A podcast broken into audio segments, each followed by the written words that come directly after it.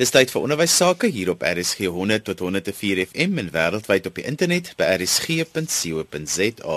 Jy kan ook na ons luister op die DSTV se audiokanaal 813.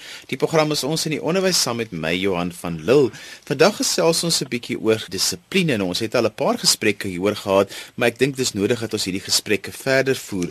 My gas is Dr. Karel Kriege en hy's 'n opvoedkundige sielkundige en 'n onderwyskonsultant. So 'n bietjie meer inligting oor Dr. Kriege is na 'n aantal jare as 'n graad 12 onderwyser het hy ook gewerk as die destydse skoolsielkundiges by die onderwysdepartement voor hy aangestel is as 'n dosent by Unisa en opvoedkundige sielkunde. Nou vir die laaste 18 jaar was hy ook 'n skoolhoof gewees.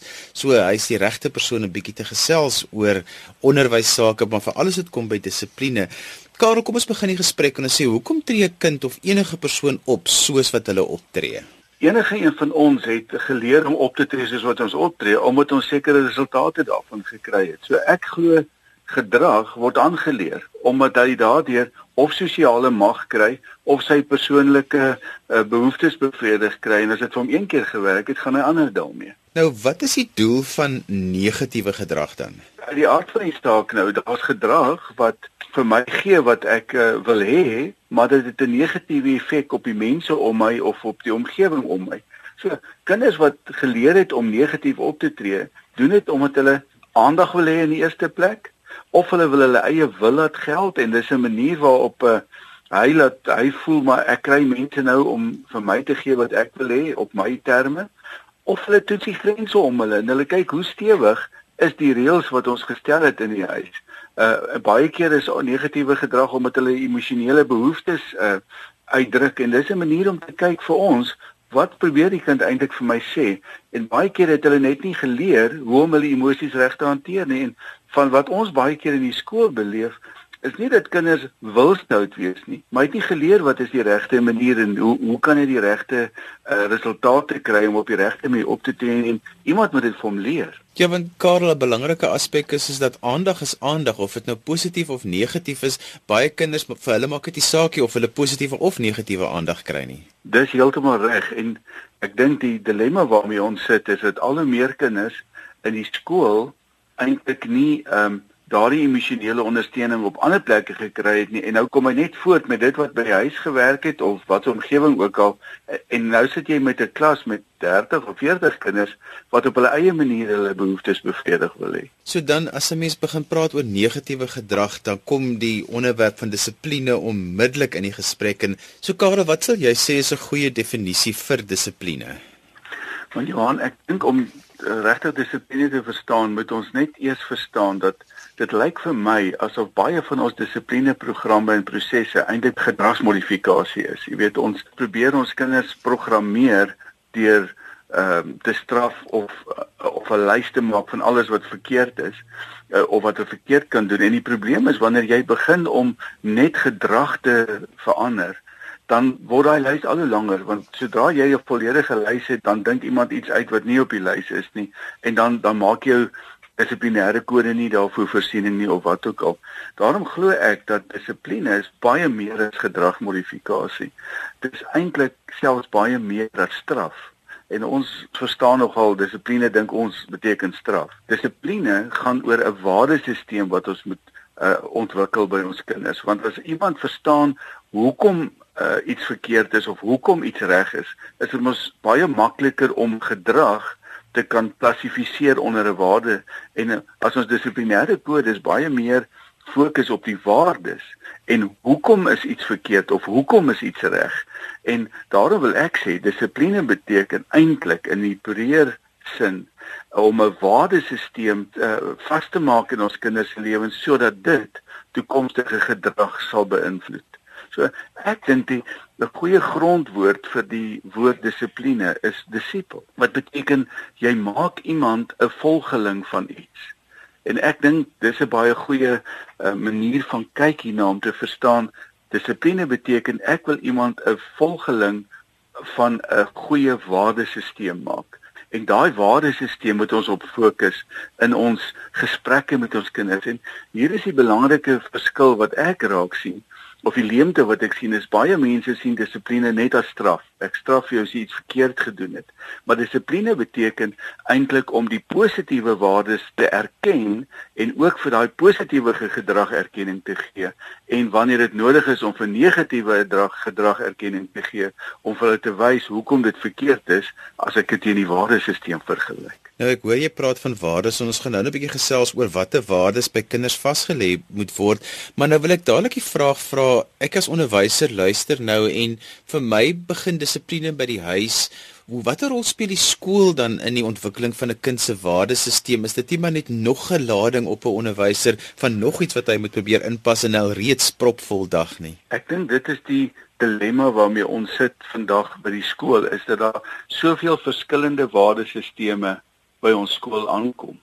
En ehm um, elke huis het al al sy eie waardesisteem en ek is nogal baie ehm um, positief wanneer skole uh ouers bymekaar kry, graad 1 ouers of wat ook al en sê kom ons gesels 'n bietjie oor die waardesisteme wat ons aan ons kinders wil vaslê en dink ons ouers het het leiding hiermee nodig want hoe meer ons dieselfde taal kan praat hoe eenvoudiger gaan ons dit vir ons kinders maak om te verstaan wat is belangrik. Kom ons neem iets soos respek vir ander mense. As ek nie in die huis vir my kinders leer hoe om het, hoe om hulle boetie en sussie te respekteer en pappa en mamma te respekteer nie, hoe hoe moet ons dit nou by die skool doen? Maar ek dink ons ouers vandag en dis maar my ondervinding het waardeer hierdie leiding wanneer mense sê kom ons gesels 'n bietjie oor hoe jy jou kind kan help by die huis want dis presies die taal wat ons ook by die skool gaan praat. So jy sê die skool het 'n bepaalde rol om ouers ook op te lei juis om hierdie waardesisteem van die huis af deur te trek na die skool toe en dan ook weer van die skool af deur te trek na die huis toe. Ek dink as ons regtig suksesvol wil, wil wees en effektief om hierdie generasie wat oor 'n paar jaar die leiers in ons land gaan wees te help dink ek ons moet maar hierdie verantwoordelikheid opneem om ons uh, ouers te begelei daarin. Ja. Karel, kan jy vir ons 'n paar voorbeelde noem van waardes wat vasgelê moet word by kinders? OK, uh, Johan, as ons na die wêreld om ons kyk en na die media luister en kyk dan dan sien ons daar's 'n paar waardes wat eintlik heeltyd gekommunikeer word. Soos uh jy moet die beste wees, jy moet die mooiste wees, jy moet die slimste wees.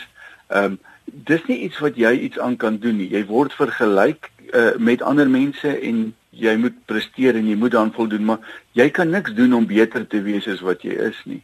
En dis my probleem met hoe ons vandag ons kinders um, erkenning gee. En ek wil sommer daaroor ook gesels dat baie van ons skole eh, is dit presies daai waardesisteem wat ons vasheg. Ons wil kyk wie is die vinnigste, wie is die slimste, wie staan eerste, wie staan tweede.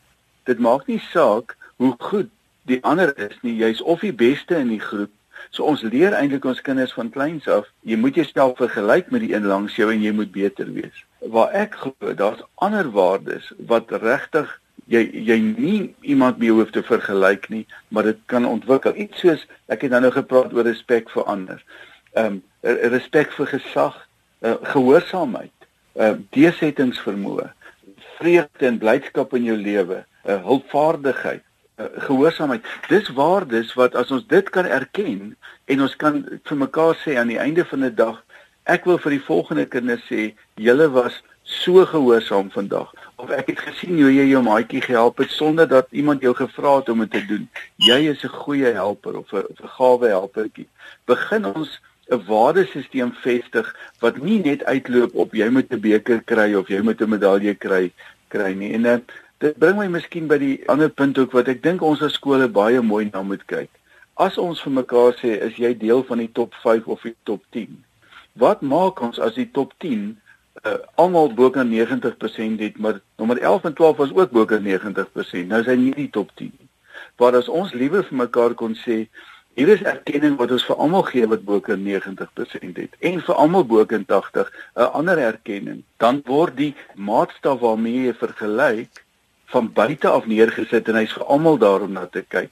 Dis nie 'n interne kompetisie wat ons tussen mense opbou nie, want dit is baie keer van die spanning en die jaloesie wat ons self opbou in die klas en ons verstaan nie waar dit vandaan kom nie. Maar dis sommer net 'n sy opmerking. Ek dink uh, ons moet regtig mooi vir mekaar vra wat is die waardes wat vir my belangrik is in my klas of in my huis of waar ook al en hoe gaan ek erkenning gee daarvoor?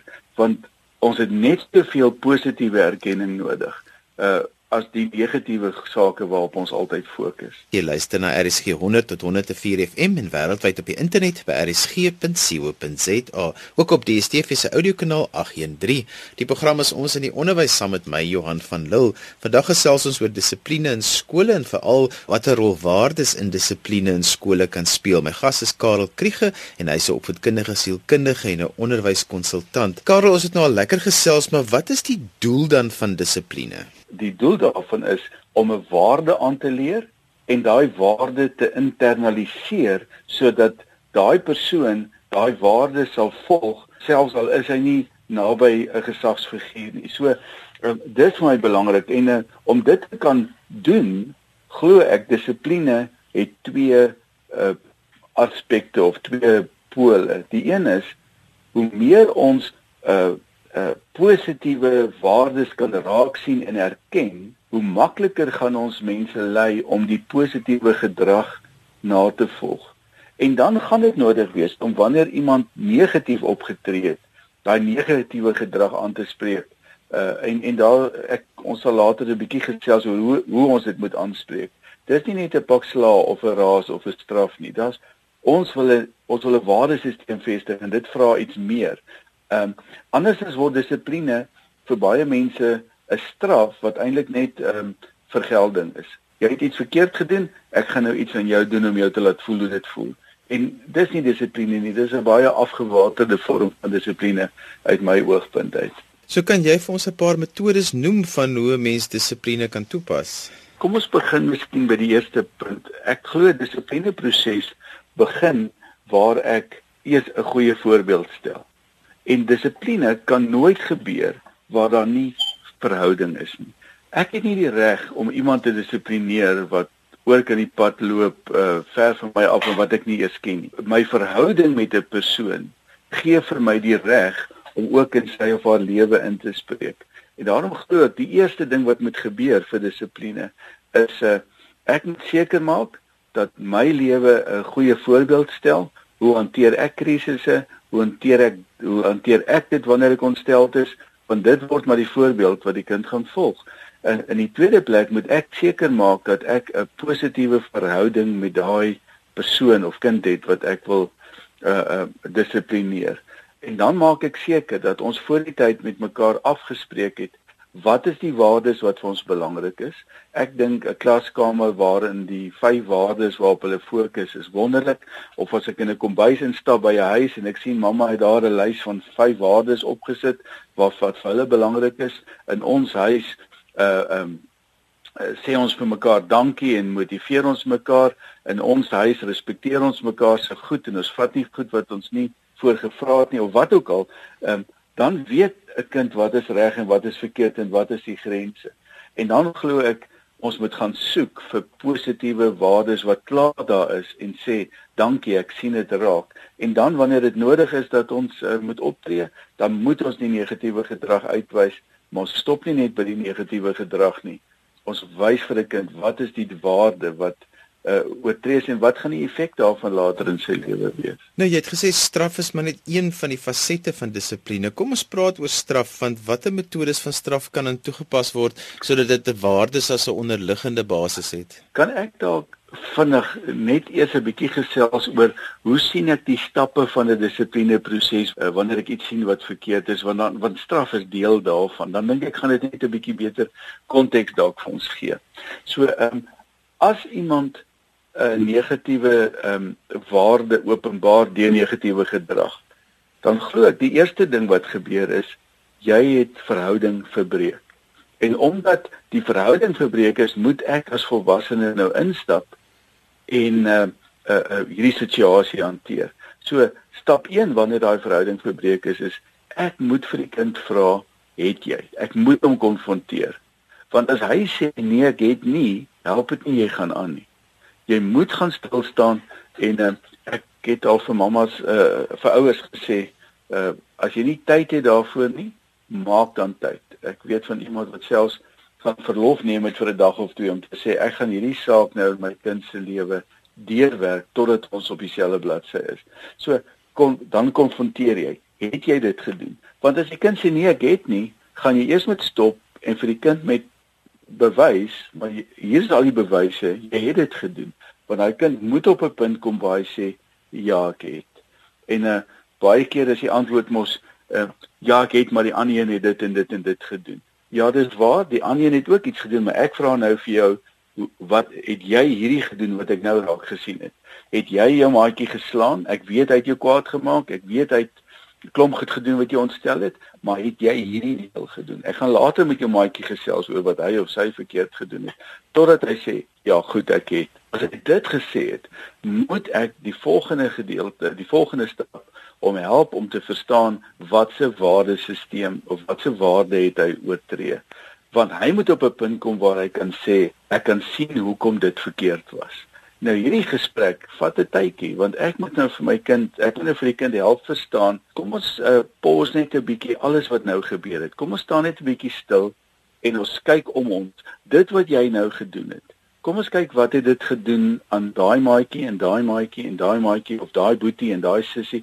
Dit is wat jou reaksie nou uh, meegebring het. Weet jy as ons dit gaan toelaat, is dit wat gaan gebeur met daai maatjie en daai maatjie en daai een. En op die ou einde is jy die een wat gaan seer kry.